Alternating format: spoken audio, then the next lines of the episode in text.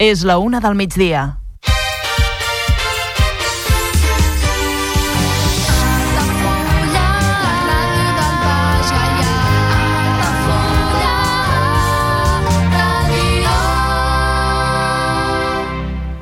Altafulla Ràdio.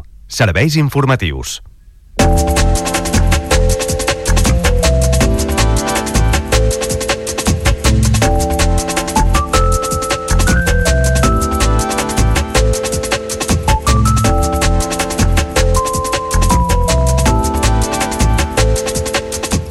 Les tres magues de gener inauguraran el Parc de Nadal en la seva primera visita a Altafulla. La cita del dimarts 2 de gener està dedicada als infants amb un punt de vista laic, accent de classes i sense una finalitat dogmàtica. El Festival Ànima Jove d'Altafulla dona a conèixer el programa de la seva segona edició. La cita tindrà lloc el 26 i 27 de gener i comptarà en diferents seccions segons el gènere dels curtmetratges i un apartat competitiu. Galla Gospel tanca la programació de la Marató Altafulla amb l'actuació d'aquest dimecres a la Violeta. La formació altafullenca contribuirà a la causa de les malalties sexuals i reproductives i tancarà un 2023 de consolidació en un terreny més professional. Es busca professor o professora d'alemany per a l'Escola d'Adults d'Altafulla. S'ofereix un contracte de 8 hores setmanals durant les tardes en horari de 4 a 8. El compositor Sergi Planes ofereix aquest dijous l'última funció de l'any del cant de la Sibila a l'Església del Catllà. L'obra es basa en l'anunci de la fi del món i l'apocalipsi que va tenir lloc l'any 900 i pretén ser una invitació a la reflexió sobre el futur i el nostre paper en el món. Roda de Barà combatrà la situació extrema de sequera en talls d'aigua nocturn. Els darrers talls tenen lloc entre aquest dimecres i divendres i des del consistori asseguren que serviran per omplir els pous de la vila. Un incendi crema tres naus de l'empresa Salvat Logística al cim del camp i obliga a activar el pla secta. La població de la Canonja s'ha hagut de confinar de forma preventiva fins que els bombers han controlat el foc passades les 5 de la tarda d'aquest dimarts. Les entrades per a la setena edició de l'Starco Unlimited ja estan a la venda. La cita del 24 i 25 de febrer retrà homenatge al 40 aniversari de Màsters de l'Univers i el dels Calps Fantasmes. Creixen les infeccions respiratòries agudes, especialment la grip en la població pediàtrica. La grip és l'origen més freqüent de les infeccions, amb un 22,6% de les mostres. En esports, el regatista del Club Marítim Altafulla, Àlex Martí, es classifica per a disputar el Mundial d'Icofoil del 2024. El navegant també de la Reial Federació Espanyola de Vela ha assegurat la seva presència a la cita de Lanzarote en els Icofoil Games. I en marxa la tecnificació de Nadal Alberto Benito, del Centre d'Esports d'Altafulla. Les jornades tindran lloc l'última setmana de desembre i la primera de gener i són obertes a nens i nenes d'entre 6 i 14 anys.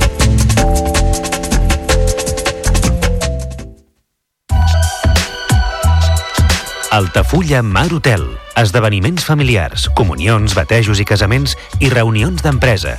Sales privades amb llum natural, terrassa i accés al jardí, des de 10 fins a 200 assistents. Altafulla Mar Hotel, el teu espai de confiança per a les teves celebracions familiars al barri marítim d'Altafulla. Demana pressupost sense compromís trucant al 977 65 11 55. Altafulla Mar Hotel. Altafulla Mar Hotel patrocina l'informatiu.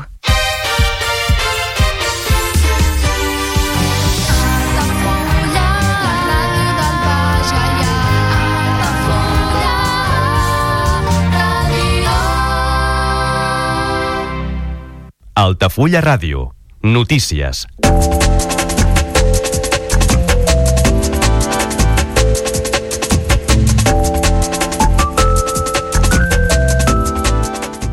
Un any més torna al Parc de Nadal d'Altafulla.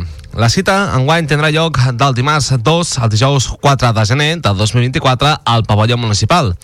Enguany, però, s'inaugurarà d'una manera totalment diferent i innovadora a la vila i a la resta del territori. I és que el mateix dimarts, a partir de les 4 de la tarda, els infants rebran la visita especial de les Tres Magues de gener, que es presentaran sota el lema Llibertat, Igualtat i Fraternitat i acompanyades de les entitats del municipi. En parlen declaracions d'Altafulla Ràdio, la coalcaldessa d'Altafulla, Alba Muntades.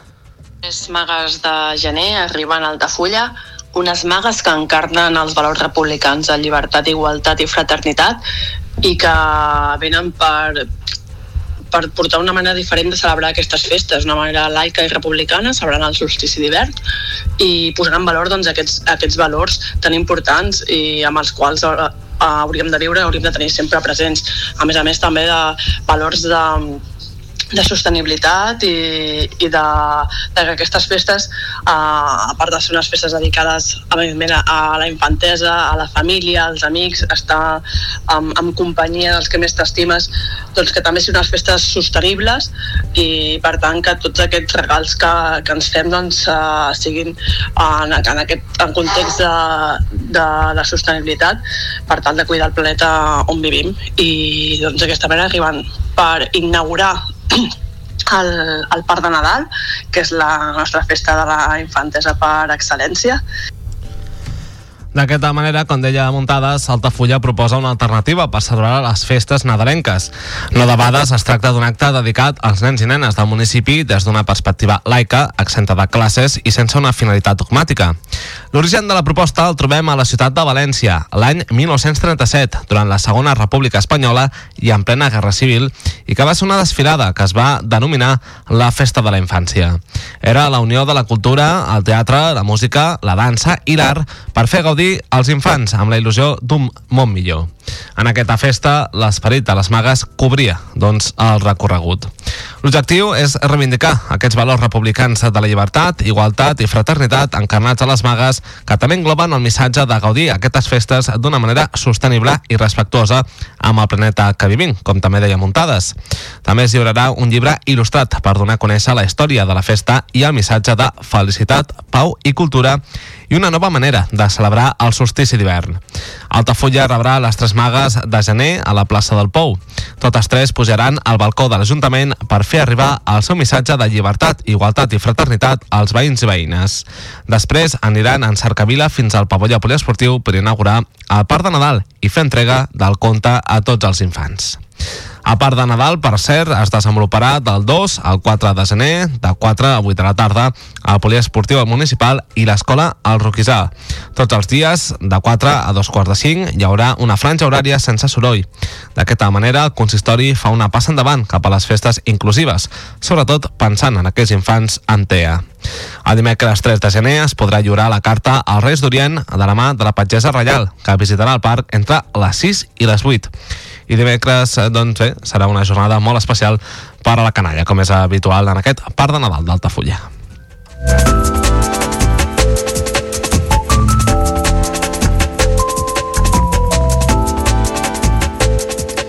Parlem ara de cultura. La segona mostra d'internacional de curtmetratges d'animació d'Altafulla, el Festival Anima Fest, es durà a terme exactament d'aquí un mes, concretament el divendres 26 i el dissabte 27 de gener de 2024. L'organització, a càrrec de la productora d'Altafulla, Mos Wanted Studio, treballa consciència per tenir-ho tot a punt quan arribi la data. Una de les coses que restaven pendents era la programació i ja la coneixem. El director del festival, Joan Rubinat, ha reconegut als micròfons d'Altafulla Ràdio que és una sorpresa comptar amb tanta qualitat en referència al programa. En aquest sentit, ha destacat l'interès que hi ha hagut, sobretot, per part de les distribuïdores del mercat espanyol de cada un d'aquests curtmetratges tan, tan grossos tenen la seva, una mica el seu pla, no? pla de distribució, on primer tria doncs, festivals eh, molt punters, els primers espases, diguéssim, a nivell mundial, després trien uns altres, no? Però a l'obrir convocatòria al nostre festival d'aquí d'Altafulla hi, hi ha hagut, eh, sobretot a nivell nacional, a nivell d'Espanya, hem tingut molt bona, molt bona acollida. Els, els, les empreses de distribució, les distribuïdores, de seguida ens han enviat curtmetratges que tenen molt de caché, no? I ens han han volgut participar diguéssim, en la selecció, en la possible selecció que podíem dur a terme nosaltres no, aquí al, al festival. Rubinat també ha explicat que aquesta varietat de propostes del nivell els ha permès fer créixer el certamen de manera sostenible, seguint l'objectiu que tant ell com l'altre responsable, Belinda Bonan, s'havia marcat a l'inici del projecte ja des del principi nosaltres ens vam marcar també com a objectiu anar creixent com a festival una mica com de, de, de, de manera sostenible, no? Volíem guardar els nostres criteris que creiem que estan a l'ADN del festival, doncs és que és eh, tindre curtmetratges d'àmbit social, intentar, intentar tenir eh, totes les tècniques eh, de l'animació reflectades en el, en el nostre programa, i una sèrie de, de coses que creiem que són importants i, i a, part, a part de tenir allò i conservar-ho, doncs anar creixent de manera sostenible sense, sense mai caminar sense els peus de terra. No? Una de les novetats de la present edició és la secció Panorama, que inclou curtmetratges amb premis i seleccions importants en el circuit de festivals de cinema i, a més, són candidats o nominats a premis com els BAFTA, els César o els Òscar. Les propostes que es poden veure en aquesta secció no competitiva el divendres a la tarda són 27 de Flora Anabuda, Cudel de Marco Rumón, Doc Apartament de Pretender, Ice Merchants de Joao González i White Bitter de Escrimanta Jacaité. A la secció infantil es repetirà l'experiència del Creànima, un taller d'iniciació a l'animació per a infants en què els participants faran una peça col·lectiva d'aquest gènere. Quant a les peces, es projectaran les següents. De Gus, de Jean Mica, Entre deu seus, de Clement Chert, i Anna Sophie Goset, Le Tuit Petit Pujai, d'Emily Worms, Birdron, de Radella Jagat Teva, i Apocalypse Dog, de Agilis Le Clenché. La secció documental estarà formada per Estigma, d'Aida d'Argüelles, Under de Endels Sky, d'Alexandra Gigants Calla, Letre Clinoton Letre Clinotan, de Juliet Maduit, Diari d'un operador cinematogràfic, de Dani Seguí, i Europa Vivaidon, de Samuel Albaric i Thomas Trichet. I la secció de ciència-ficció es divideix en dues parts, atesa la nòmina de propostes, diverses d'elles nominades als Goya i les altres plenament reconegudes en guany, com ha explicat Rubinat en declaracions d'aquesta casa. Dintre de les eh, 145 pel·lícules que vam rebre per aquesta edició, doncs teníem molta qualitat. I llavors a l'hora de triar vam triar d'entre aquestes pel·lícules les que, cre les que creem des d'aquests curtmetratges les que creem més interessants i donat la casualitat doncs, que tenim en la nostra secció ficció per exemple quatre dels cinc nominats a millor curtmetratge als Goya d'aquest any del, de, de, 2024 així que el que vingui a, al festival podrà adelantar-se una mica als premis que puguin otorgar l'Acadèmia Espanyola del Cinema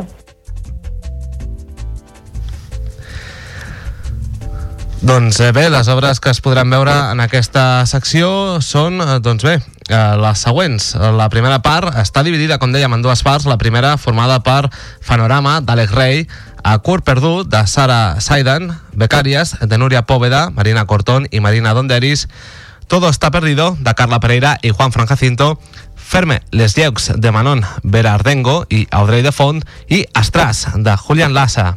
Quant a la segona part, la protagonitzen els següents curtmetratges Amarrades de Carme Córdoba, Chochonguila de Sonia Estevez, Todo bien de Diana Cien, Last Word de Dick Grobler, Un gener de testament de Stephen Bullemin i Sandwich Cat de David Fidalgo. Les entrades per assistir al Festival Anima Jove d'Altafulla es poden adquirir a la web del mateix festival.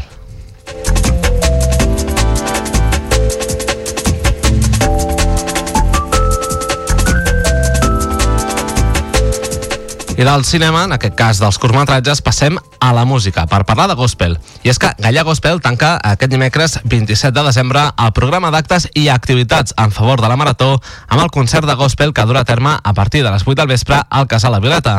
La cita, a més, es cau durant unes dates molt convenients per gaudir d'aquesta mena de música com són les festes de Nadal. De fet, la directora de la formació altafollenca, Carla Crueix, ha explicat en declaracions a aquesta casa que el repertori comptarà amb Nadales, peces tradicionals i clàssiques i del gospel modern.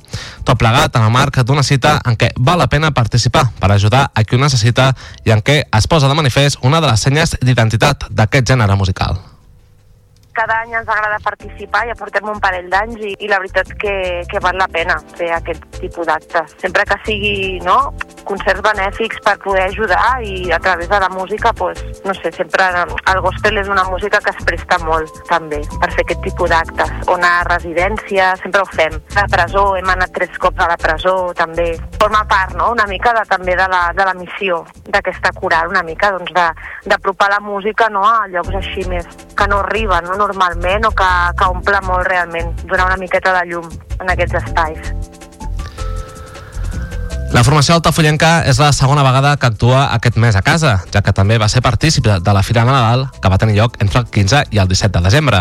L'actuació d'aquest dimecres posarà punt final a un 2023 que ha sigut un any de consolidació en un sentit més professional, com assegura Cruells, sense deixar de banda el bon ambient que hi ha sobre l'escenari com estem agafant una miqueta de direcció doncs, cap a lo més professional, doncs també, clar, hi ha hagut crives, hi ha hagut hem posat com a direcció i he posat més normatives, però normes que fan que, que després el resultat sigui molt més bo, no? O sigui, com d'assistència, doncs recordar una mica, no?, mm, que la gent també s'ho miri a casa, no?, una mica de, de més compromís, diria, i això ha fet que la veritat que la, la coral cada vegada sona millor i ja no és una cosa que digui jo, sinó que el públic que ens, que ens segueix de fa temps també ho poden veure i ho poden gaudir més. D'aquesta manera, com dèiem a l'inici, Gallà Gospel clou el programa de la Marató 2023 que va començar el passat 19 de novembre precisament amb un altre concert, el que van oferir la coral Nou Rebels d'Altafulla i el Cor Gregal. Cal recordar que, tot i que la jornada central va tenir lloc el 17 de desembre, es poden fer donatius fins al 31 de març. Per a més informació, es pot visitar el web de la Marató de TV3.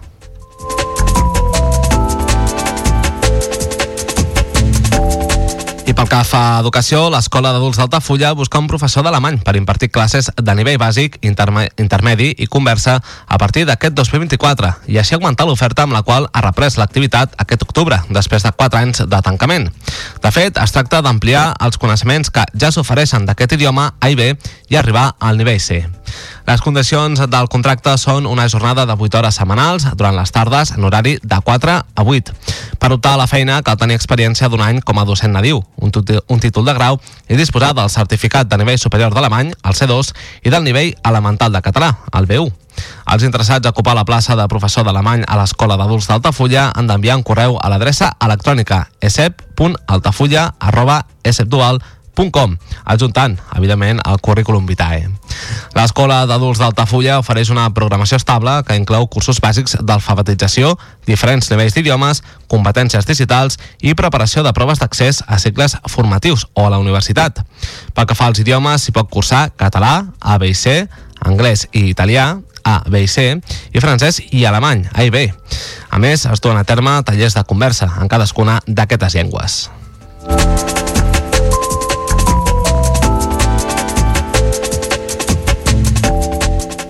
I deixem Altafulla per centrar-nos en la resta de municipis del Baix Gallà. Per exemple, Catllà.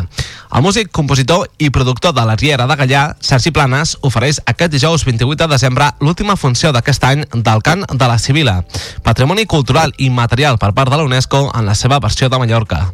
L'escenari, l'església de Sant Joan Baptista del Catllà, a partir de les 7 de la tarda amb entrada lliure.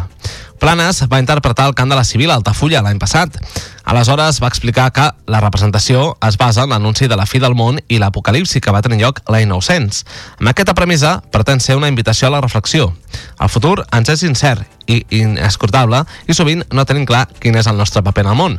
De fet, compartim aquestes mateixes preocupacions amb els nostres avantpassats del segle X, com explicava el mateix Planes en declaracions a aquesta casa. Això sorgeix arran d'un de, bueno, sector social molt important que teníem por que l'any 1000 s'acabés al món i es crea aquesta escenificació diguem per, bueno, doncs per tenir una representació cultural que tingués aquesta temàtica uh mhm. -huh. més endavant el Concili de Trento eh, l'Església el prohibeix per considerar-ho un ritu pagà de fet la Civil és un personatge que no pertany al cristianisme és un personatge de la mitologia romana i, i en aquest sentit doncs bé sí que va haver una etapa de prohibició i posteriorment sí que s'ha anat, anat recuperant i, i en això estem. La creació de Plana segueix els cànons de la música medieval i utilitza el català antic de Mallorca en el seu text. En tot, hi ha algunes modificacions respecte a altres representacions del cant, com per exemple que no es caracteritza en accés al personatge de la Sibila, ser més fidel a la representació que es feia en els següents orígens o bé l'ús de la trompeta per anunciar l'apocalipsi. La funció d'aquest dijous al Baix Gallà, com dèiem, és l'última que Cés Planes ofereix al 2023. Prèviament l'ha fet rodar per la Riera de Gallà, a casa seva, el 16 de desembre, a Castellvell del Camp, el 22 de desembre, la Basílica de la Sagrada Família de Barcelona, el 24 de desembre, i la Sènia, tres dies després, el dia 27. En tots ells, i com també passarà al Catllà, es podran comprar els llibres amb la partitura i el text del cant de la Sibila.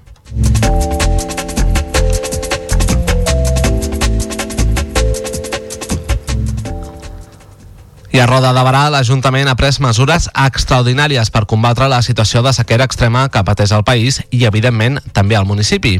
Els nostres pous, dels quals s'abasteixen els dipòsits de la zona nord del municipi, s'assequen i es troben en una situació molt delicada des de fa molts mesos, expliquen des del consistori. Per aquest motiu, han decidit dur a terme talls d'aigua nocturns. En aquest sentit, asseguren que s'ha arribat a una situació en què els dipòsits no tenen marge per poder omplir-se. La situació arriba a tal punt que els tècnics de la casa han analitzat la situació i l'única solució provisional efectiva és efectuar, diuen, aquests talls a la nit. Els talls del subministrament de l'aigua han afectat els barris de l'Eixample, les Torres i Merimar els dies 20, 21 i 22.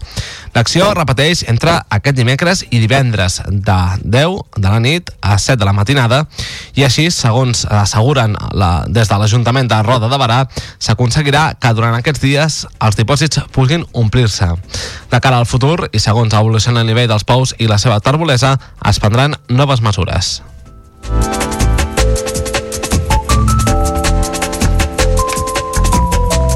Deixem el Baix Gallà i entrem ara en l'actualitat a la marcació de Tarragona. Un incendi ha cremat tres naus centrals de l'empresa Salvat Logística situada a la central integrada de mercaderies del camp entre la nit de Nadal i Sant Esteve. El foc ha obligat a activar el pla secta en fase d'alerta, que posteriorment ha quedat desactivat després que els bombers de la Generalitat el donessin per controlat passades les 5 de la tarda.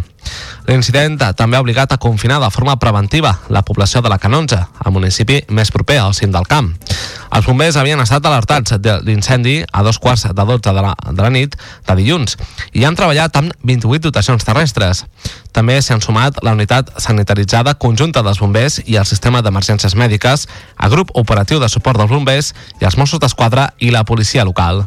Segons TAC12, el foc s'ha originat en un camió frigorífic a l'entrada de l'empresa. A banda de les tres naus, amb una superfície de 1.400 metres quadrats, també ha calcinat totalment part de la coberta, tres semitractores i parcialment una quarta, un camió i un contenidor a la part posterior del recinte.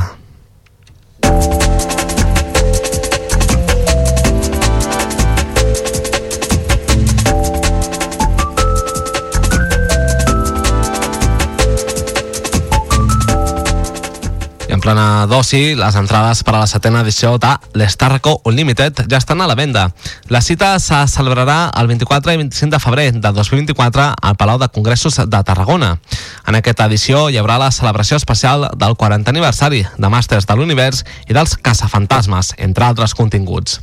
Per homenatjar Màsters de l'Univers hi haurà una àmplia zona dedicada en exclusiva a la saga, amb exposicions, xerrades, convidats internacionals i una sorpresa molt especial amb el castell de Grayskull.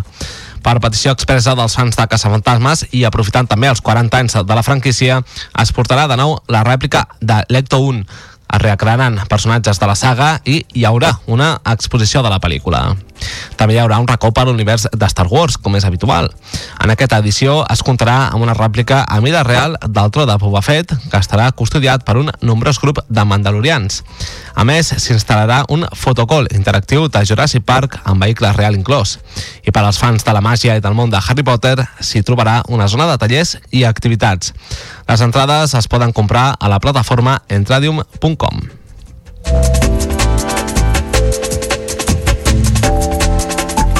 I a nivell de país i pel que fa a sanitat, les infeccions respiratòries agudes, IRA, creixen a Catalunya en la setmana del 18 al 24 de desembre, especialment la grip, segons l'última actualització del portal del Departament de Salut Cívic. Les infeccions passen dels 68.019 casos de la setmana anterior als 71.674 de la darrera. La taxa d'ira és de 909 afectats per 100.000 habitants.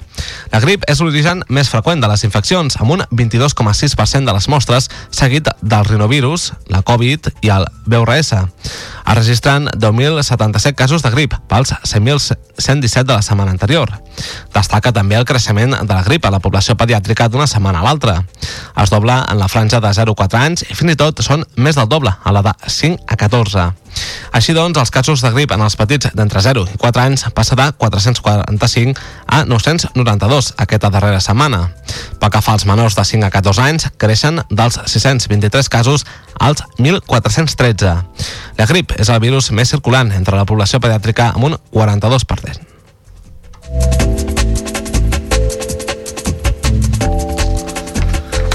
I encetem la plana esportiva. El regatista del Club Marítim Altafulla, Àlex Martí, s'ha classificat per a disputar el Mundial d'Icofoil, que tindrà lloc a Lanzarote al 2024. Una fita més per a un dels millors esportistes de l'entitat i un dels que té més projecció internacional en aquesta modalitat, que està en auge i que creix any rere any.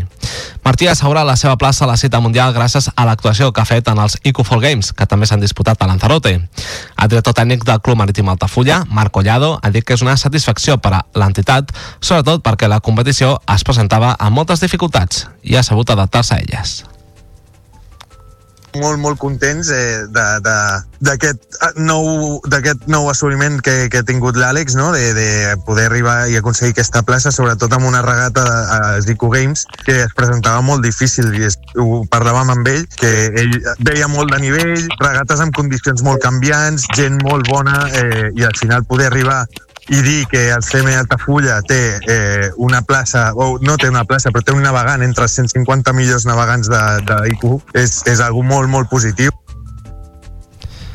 Per Collado, la fita assolida per Martí és un exemple de l'esforç i el treball que fan els regatistes de la base i a la vegada una recompensa a l'aposta que va fer el club en el seu dia per formar els navegants perquè poguessin participar en competició.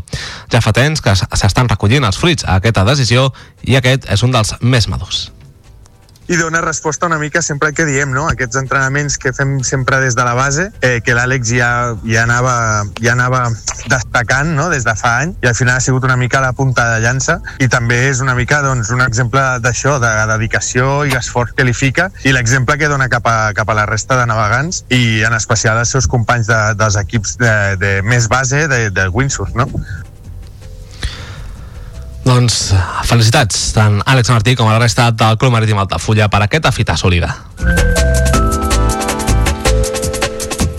En futbol, el Centre d'Esport Altafulla ha iniciat aquest dimecres 27 de gener la tecnificació de Nadal Alberto Benito que ofereix entre aquesta setmana i la següent, durant les vacances dels infants i joves. El primer torn es du a terme també aquest dijous i divendres, mentre que la setmana vinent les sessions tindran lloc el 2, 3, 4 i 5 de gener. L'horari del campus és de 9 de matí a 1 de migdia amb servei d'acollida entre les 8 i les 9. Les jornades de tecnificació es realitzen a l'estadi municipal Joan Pijuan i estan destinades a nens i nenes d'entre 6 i 14 anys, és a dir, entre les categories prebenjamí i cadet. Els monitors, que són entrenadors i entrenadores de l'escola de futbol, dirigits pel coordinador Dani García, dirigeixen exercicis destinats a perfeccionar totes les habilitats necessàries per a la bona pràctica del futbol. Això ho ha explicat el president Francesc Julià en declaracions al Basga Esports, que ha dit que l'objectiu és que els nens i nenes facin un pas endavant a la seva formació i, sobretot, que gaudeixin aquests dies tan bonics que vivim, doncs eh, hem pensat en oferir aquesta tecnificació, on es treballaran aspectes específics del, del futbol, els nens i les nenes podran doncs, millorar les seves eh, capacitats tècniques, tàctiques i eh, moviments eh, específics del, del futbol. I a més contem amb l'Alberto Benito que mm, podrà venir els dies que pugui, com sabeu acaba de ser pare i aprofitem també doncs, per felicitar-los a, a tots dos a la parella. I bueno, doncs intentarem doncs, que entre tots gaudir-ho moltíssim, eh, que els nens i les nenes eh, facin un pas endavant en la seva formació futbolística i sobretot que sigui un, uns dies on, on gaudeixin, que gaudeixin de valent perquè al final és el més important. En la primera setmana el preu per assistir als 3 dies és de 30 euros, mentre que el servei d'acollida val 9 euros. I a la segona setmana la quota és de 40 euros als 4 dies i el servei d'acollida és de 12 euros. Les famílies que vulguin apuntar els seus fills en els dos torns hauran de pagar 65 euros, mentre que l'assistència d'un dia té un cost de 15 euros. Amb aquesta qüestió posem el punt final a l'informatiu d'aquesta casa, Altafulla Ràdio, al 107.4 de la freqüència modulada. Com és habitual, el podeu recuperar al web 3 w altafullaradio.cat, al servei a la carta i també a través de les xarxes socials, a Facebook, Altafulla Ràdio i a Twitter, arroba Altafulla Ràdio. S'acomiada de vosaltres un servidor, Marc Pérez, que us ha acompanyat a la darrera mitja hora. Ara trobem en properes edicions d'aquest informatiu. Fins aleshores, que vagi molt bé. A reveure.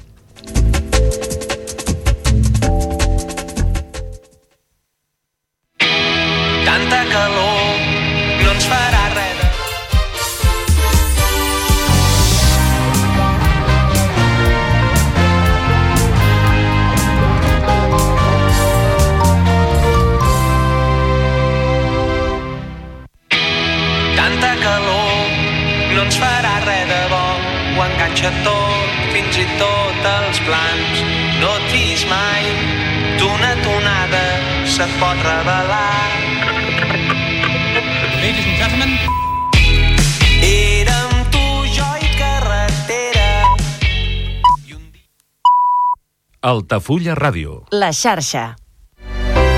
Comunions 2024. Dates ja disponibles amb sales privades, jardí, pàrquing privat